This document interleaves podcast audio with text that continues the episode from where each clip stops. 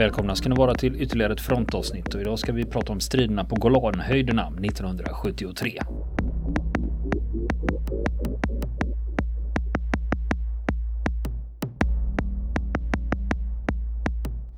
Vad kan de då? Nu ska ja. vi inte ha förhör här men ändå, ja precis. Ja, precis. Jag, jag, känner till lite pansargrejer mm. som ägde rum där. Mm. Och sen håller jag också på att kolla på en serie på Netflix som heter The Spy.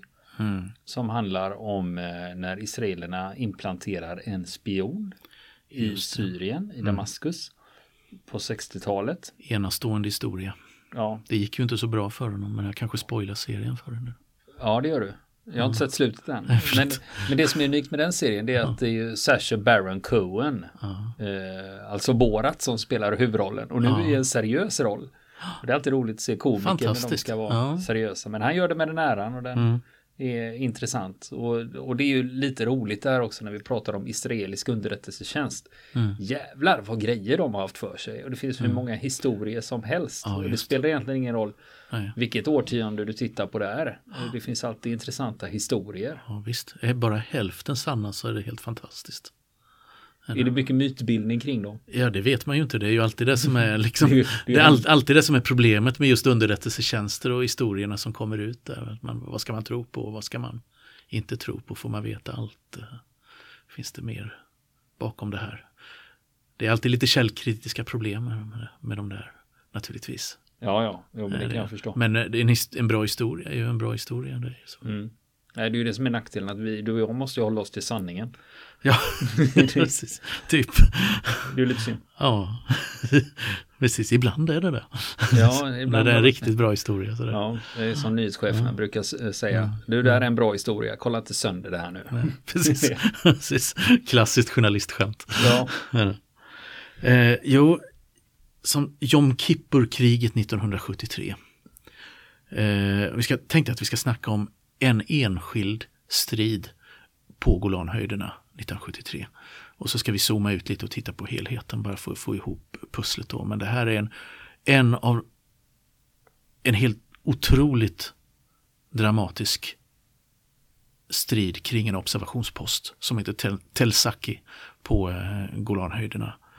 Ehm, där striderna pågick mellan en handfull israeliska fallskärmsjägare och stridsvagnssoldater mot ett syriskt massanfall i 72 timmar. Och en historia med många vändningar och eh, mycket tragedi. Och otroligt mycket dramatik. Och eh, eh, om man ska säga någonting till att börja med då om själva platsen då innan vi går in på själva historien då. Eh, och lite grann om bakgrunden till kriget då. Så att Golanhöjderna till att börja med då, det är en platå i, i norra Israel, en höjdplatå som ligger väst, öster om Genesarets sjö och nordöst om Genesarets sjö. Eh, tillhörde Syrien fram till 1967 då eh, israelerna erövrade den. Och eh, på eh, den eh, västra sidan, alltså ner mot Jordandalen och Genesarets sjö, så stupade det ganska brant. Och på den östra sidan av platån eh, mot Israel så är det inte lika dramatiskt eller markerade höjdskillnader men det är ändå så att man har eh, uppifrån den eh, israeliska sidan av gränsen har en eh, utsikt långt in i Syrien. Idag det är en enastående observationsplats och eh, försvarsställning. Kan man åka till Golanhöjderna idag? Oh ja, det kan man göra. Det kan man göra. Och eh, både den här platsen som vi ska prata om och eh, flera andra platser som eh, spelade en stor roll under striderna 1967 och 1973 går att, eh, går att besöka och, och studera för den som är militärhistoriskt intresserad. Jag tänkte just att det inte var militärt skyddsområde eller något sånt. Att det var Nej, du, du, kan ju inte traska precis ända fram till gränsen. Det är lite svårt. men, ja, men de här men platserna du, du nämner, se, de går att besöka? Jajamän, alltså. det kan man göra. Det kan man göra. Um,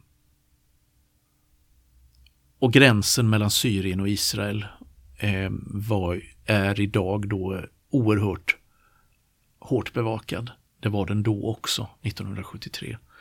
Och där, där finns taggtråd, minfält, observationsposter, bunkrar, skjutställningar för stridsvagnar, radarstationer och så vidare och så vidare. Det är oerhört militariserat. Ehm, och Tel Saki som vi ska prata om då är en liten kulle på södra delen av Golanhöjderna. Ehm, alltså ner mot Jordanien kan man säga. Ehm, 30 meter hög kulle. Inget speciellt egentligen så, men det, det, som är speciellt är att den ligger precis jämte en väldigt viktig väg som leder eh, från Syrien in eh, på de centrala Golanhöjderna och som eh, de syriska trupp, trupperna ville använda sig av när man ryckte fram och trängde in i Israel. Eh, på den här kullen då så hade israelerna anlagt en liten observationspost med eh, en bunker, betongvärn och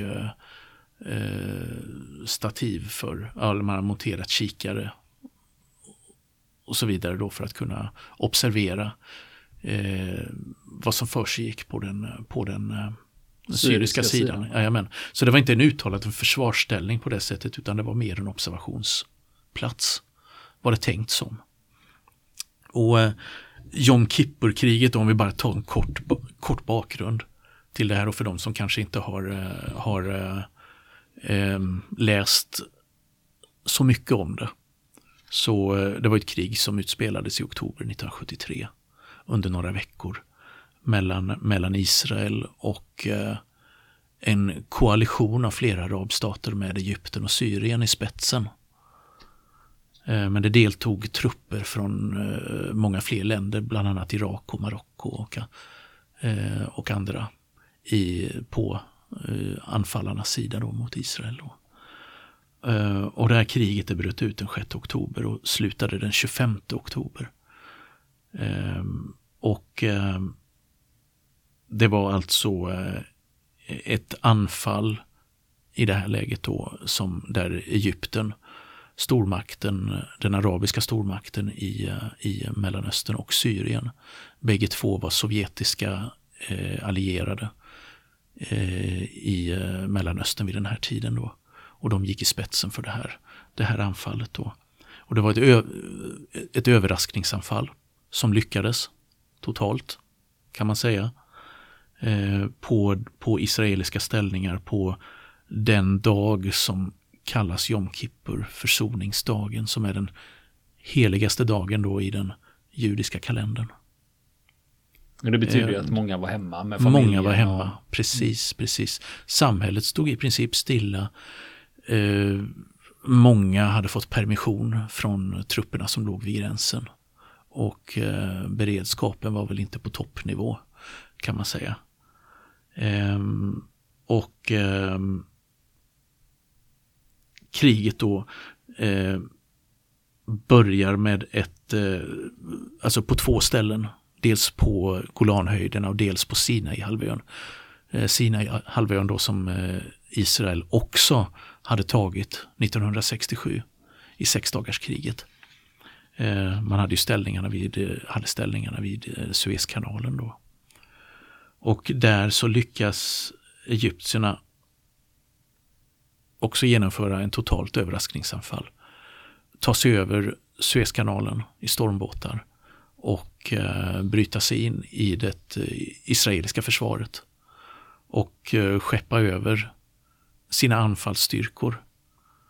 Och ehm, eh, tränga en bra bit in på Sinai-halvön. Förbi de här svaga israeliska posteringarna då som vid det här tillfället var underbemannade just på grund av att det var storhelg. Um, och då först efter tre dagar så hade israelerna mobiliserat huvuddelen av sina styrkor och uh, lyckats stoppa den egyptiska offensiven. Uh, vilket ledde då till att det på Sinai-halvön blev ett, um, ett låst läge kan man säga. Ett ställningskrig? Ja, ett ställningskrig då vid eh, en bit in i öknen där. Och eh, det här anfallet då i Sinai, det var ju koordinerat då med det syriska, den syriska offensiven på Golanhöjderna då som hade målet att återta Golanhöjderna, men inte bara det utan tränga långt in i Israel. Och eh, förmodligen krossa den israeliska staten. Och eh, till en början så gör eh, syrierna då stora framsteg. Visserligen med stora förluster mot hårdnackat men eh, numerärt väldigt underlägset israeliskt försvar. Eh, och tränger djupt in på Golanhöjderna och eh, når nästan fram till israeliskt territorium då före, eh, från före 67. Då. Eh, och eh, samma sak där, efter tre dagar så har man mobiliserat reservstyrkorna på den israeliska sidan och kan börja slå tillbaka och inleda en motoffensiv mot, eh, mot eh, de syriska trupperna då. Och eh, man genomför då en fyra dagar lång motoffensiv eh, som eh, inte bara återtar eh, området på Golanhöjderna utan tränger långt in i, i det egentliga Syrien och eh, närmar sig Damaskus. Och eh, där man kommer så nära att man kan börja skjuta artilleri mot eh, Damaskus förstäder. Ja, och just det där, och det är också bra att veta att mm. Eh, när det gäller var Damaskus ligger någonstans i Syrien mm. så är det ju inte så långt från Israel. Det är inte så långt. Det är ju inte det att det är mitt Nej. i landet utan Nej, det. Eh, det, man behöver inte ta sig sådär jättelångt mm. och slås genom halva landet utan Nej. Det låg ganska långt från Israel när, när Syrien fortfarande hade Golanhöjderna. Men eh, 67, efter 67 så hamnade Damaskus nära gränsen. Gjorde det. Och eh, det här de här syriska motgångarna, de här framgångarna helt plötsligt vänds till motgångar och syrierna blir allt mer hårt, hårt trängda av de israeliska trupperna. Så börjar eh, ledaren i Egypten, eh, dåvarande presidenten Anwar Sadat, oroa sig för att, eh, att eh, de arabiska styrkorna helt enkelt ska kollapsa på Golanhöjderna. Och han inser att jag måste göra någonting. Och istället för att bara nöja sig med de områden han har tagit på tagit tillbaka på östra sidan av Suezkanalen. Där hade man tänkt stanna. Det var den egyptiska planen. Att stanna, gå fram, stanna, förklara att man har vunnit en militär seger och använda den här militära segern till att förhandla sig till resten av Sinai-halvön igen i diplomatiska förhandlingar. Så Sadat hade uppnått sina militära mål? Han hade uppnått laget. sina militära mål vid det laget, precis. Och, eh, och eh, han skulle använda dem som, eh, som en pant i, i förhandlingarna sen med Israel för att vinna tillbaka sina i halvön. Men eh, motgångarna på Golanhöjderna rubbar den här strategiska planeringen. Eh, och han inser att jag måste göra någonting för att eh, lätta på trycket på Golanhöjderna så han beordrar sina styrkor att fortsätta offensiven in på eh, Sinai-halvön. Men då är israelerna mer förberedda, mer rustade och den här offensiven slutar i ett fullkomligt misslyckande och krossas totalt av eh, de israeliska trupperna. Och eh, eh, som inte nöjer sig med detta utan sedan också inleder ett eh, motanfall där man eh, slår till precis i sömmen mellan två egyptiska arméer. Det vill säga, det är ett område där, det, där eh, fienden då har svårt att koordinera sitt eh, försvar. Därför att där har du trupper som tillhör två olika förband som inte samarbetar. Och eh, eftersom det är två olika arméer. Och det är sån, kan, genom skicklig spaning så eh, är det sådana svagheter i en försvarslinje som man kan leta efter som anfallare. Hitta ställen där det är svårt för fienden att koordinera sitt försvar, exempelvis. Där kanske inte fronten är lika väl bemannad som den är på andra ställen och så vidare. Och det hade man hittat. Där slår man till, når omedelbara framgångar, genomför ett blixtanfall som klyver den egyptiska fronten. Man kommer, tränger fram till Suezkanalen man skeppar sig över Suezkanalen och börjar tränga in i ryggen på de egyptiska trupperna, omringar en hel egyptisk armé och når nästan fram till eh, Suez, staden Suez. Um, hårda strider, stora förluster på båda sidor. Men det här, den här inledande egyptiska segern vänds i ett eh, stort nederlag. Och eh, någonstans där så tvingar eh, FN och eh, stormakterna, Sovjetunionen och USA, de krigförande att sluta fred. Eh, det finns mycket dramatik och förvecklingar på den storpolitiska nivån också och det var, fanns farhågor att det skulle leda till ett stormaktskrig. Ja, för det här är ju ett proxykrig. Det är ett proxykrig. Ja. Eh, Israel är ju stött av USA mm. och arabnationerna här är ju stödda av Sovjet. Just det. Så det är ju... Och både USA och Sovjetunionen eh, gör vad de kan under det här kriget för att leverera krigsmateriel och vapen. Eh, krigsmateriel eh, till de krigförande. För att se till att den egna sidan vinner kriget. Och eh, när detta inte hjälper så utsätter man då det internationella samfundet för hot och påtryckningar. Och till slut så lyckas man få stopp på det här kriget då i oktober, slutet av oktober 73. Ja, så det blir vapenstillestånd där? Ja, det blir vapenstillestånd där eh, med eh, FNs hjälp. Och eh, det här kriget i Yom Kippur hade ju ganska långtgående konsekvenser för Mellanöstern. Eh, I Israel så ledde det här till en hård in, intern debatt och räfst och rättarting. Hur hade man kunnat bli tagen så på sängen av det här anfallet? Och eh, inom arabvärlden så, eh, så kände man att var det här ändå, trots att det ändå slutade i ett militärt nederlag, så, så, så, fokuserade man på de inledande militära framgångarna och i propaganda och även tänkesätt och såg att det här, det här eh, stärkte dem i, i liksom tanken att vi kan besegra Israel. Och eh, man kände att eh, den här skammen och förnedringen som man hade upplevt efter att ha förlorat så försmädligt i sexdagarskriget 1967 var så att säga, nu var det upphävt. Det här, den, den här eh, liksom skamfläcken då. Och eh, det ledde också i sin tur då på den israeliska sidan till liksom en insikt och farhågor att ja, vi kanske inte kan vinna alla krig mot våra arabiska grannländer i all evighet som vi har gjort hittills i de olika krigen som hade varit sedan 1948 och, och framåt. Och eh, det här då jämnade vägen för eh, fredsförhandlingarna med Egypten, stormakten, den arabiska stormakten i Mellanöstern eh, på 70-talet, Camp David 1977. Mellan, eh, mellan eh, Sadat och Menachem Begin.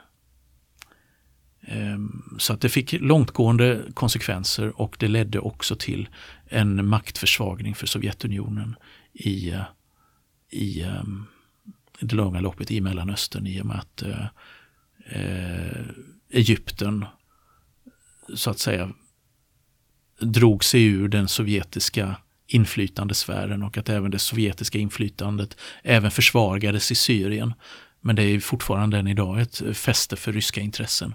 Vilket vi har sett under det syriska inbördeskriget.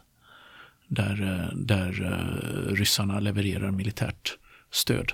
Ja, och det går nu in på sitt nionde år. Just det. Just det. Men nu har vi tittat på det i stort då. Mm. Nu ska vi gå ner på den lilla bilden då. Den här lilla höjden vi pratar om, Tel Saki. Tel är ju ett um, arabiskt ord som betyder kulle just. Och, eh, och som Tel Aviv exempelvis då, vårens kull. Då, det visste jag inte att det var ett arabiskt namn. Ja, precis. Ja, nej, Tel Aviv, det, det är hebreiska. Ja, det används i både i arabiska och hebreiska. Gör det. Men då går vi tillbaka till den 6 oktober, en lördag, en sabbat, 1973.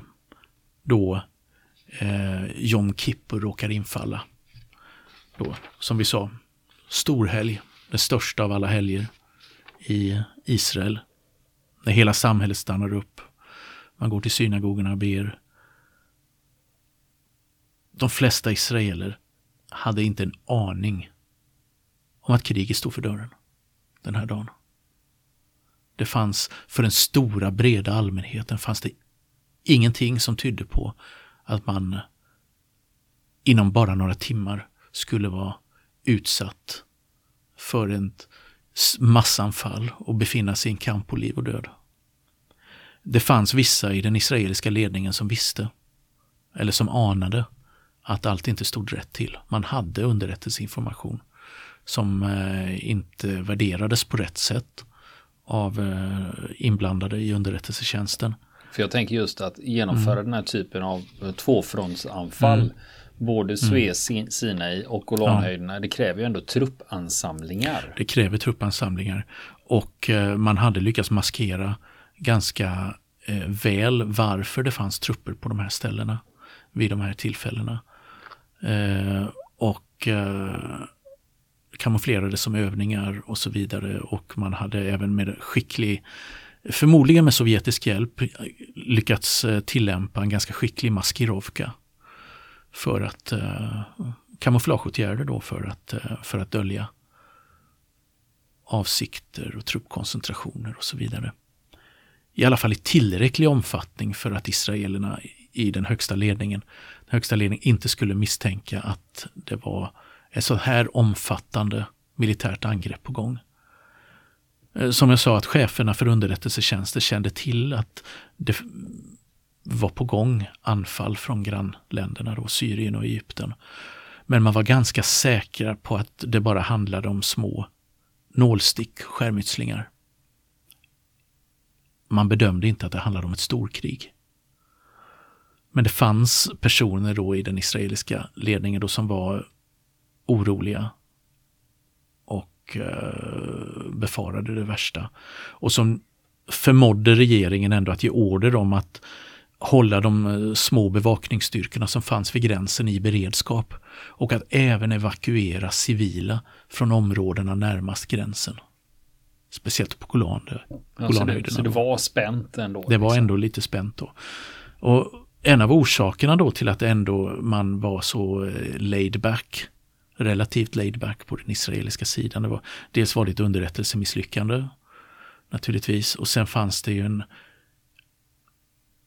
arrogans kan man kalla det för och aningslöshet efter att ha man hade vunnit en så total förkrossande seger 1967 över eh, grannländerna Egypten, Jordanien och och Syrien och eh, vunnit stora landområden på deras bekostnad.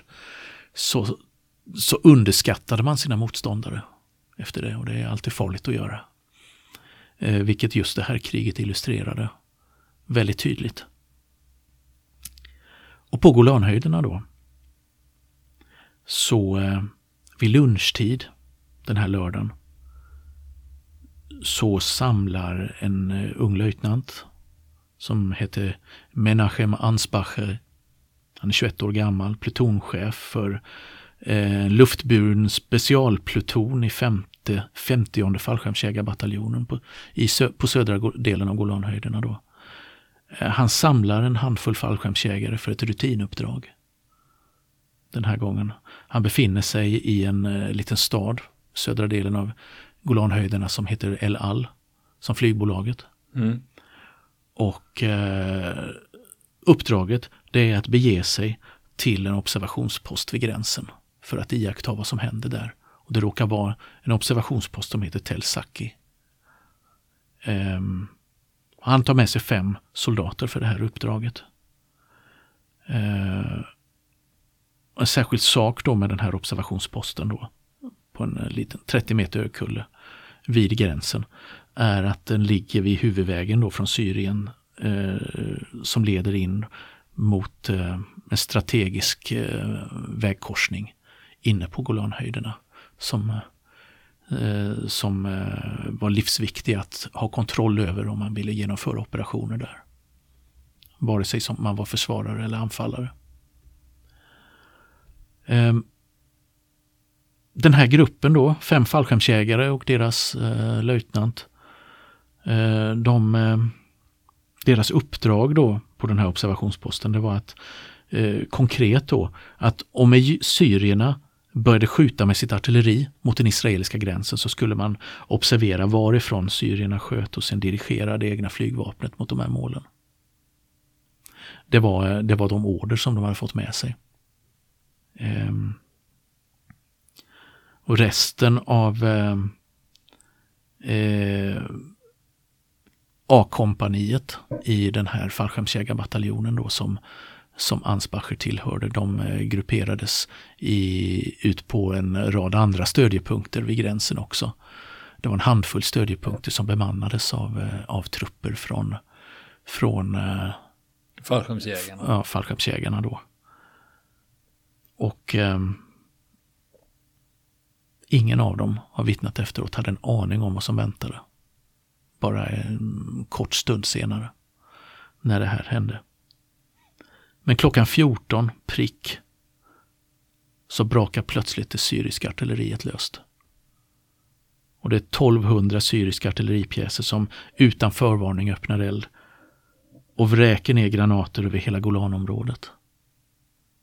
Och samtidigt så börjar syriskt flyg att fälla bomber med mycket stor precision då mot israeliska armébaser vägar, bosättningar runt om i hela området. Och gräset, det var ju torrt på de här höjderna. Det växer inte mycket skog där uppe.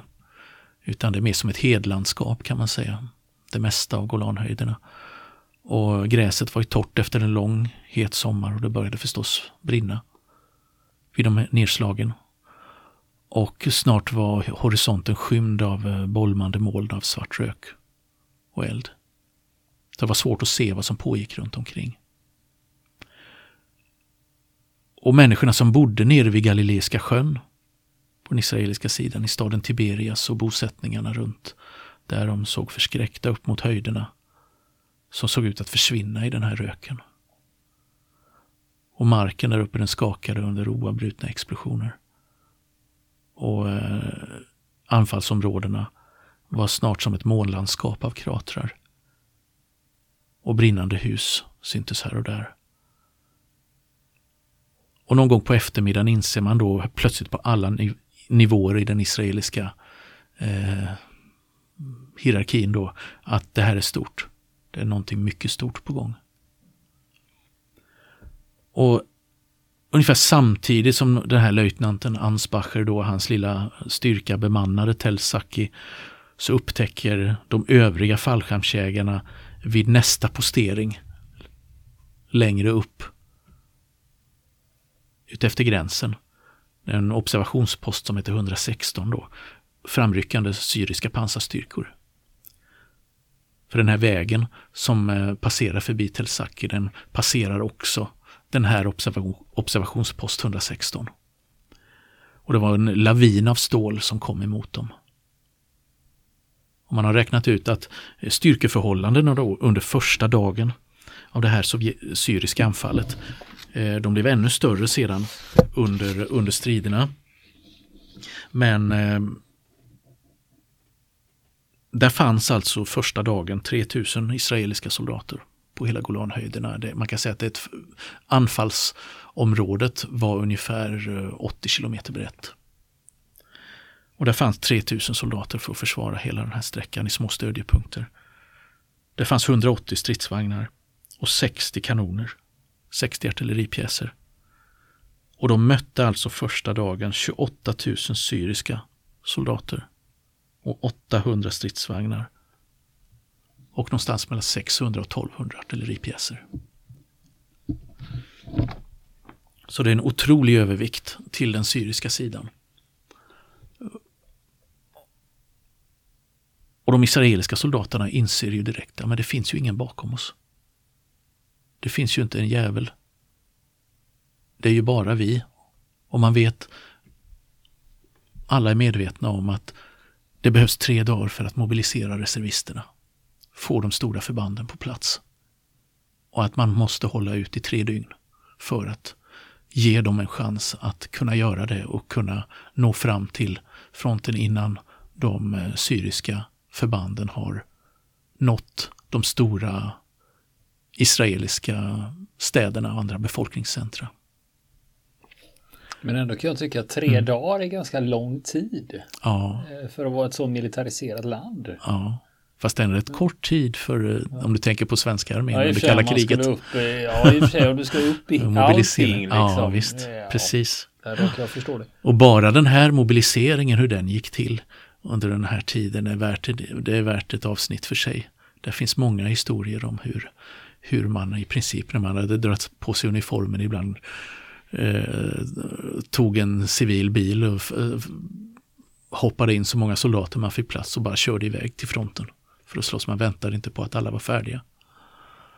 Så Det finns otroligt många historier om hur, eh, hur, man, hur motiverade man var, hur handlingskraftiga man var och hur ja, lite hej baberiba det var. För att eh, läget var så akut. Och nästa vecka fortsätter vi berätta om striderna vid Tel Saki. Vill ni komma i kontakt med oss så kan ni göra det via vår Facebook-sida som heter Fronten. Det är inga problem för er att leta er fram där. Eller också så mejlar ni på vår mejladress och det är frontenpodcastgmail.com.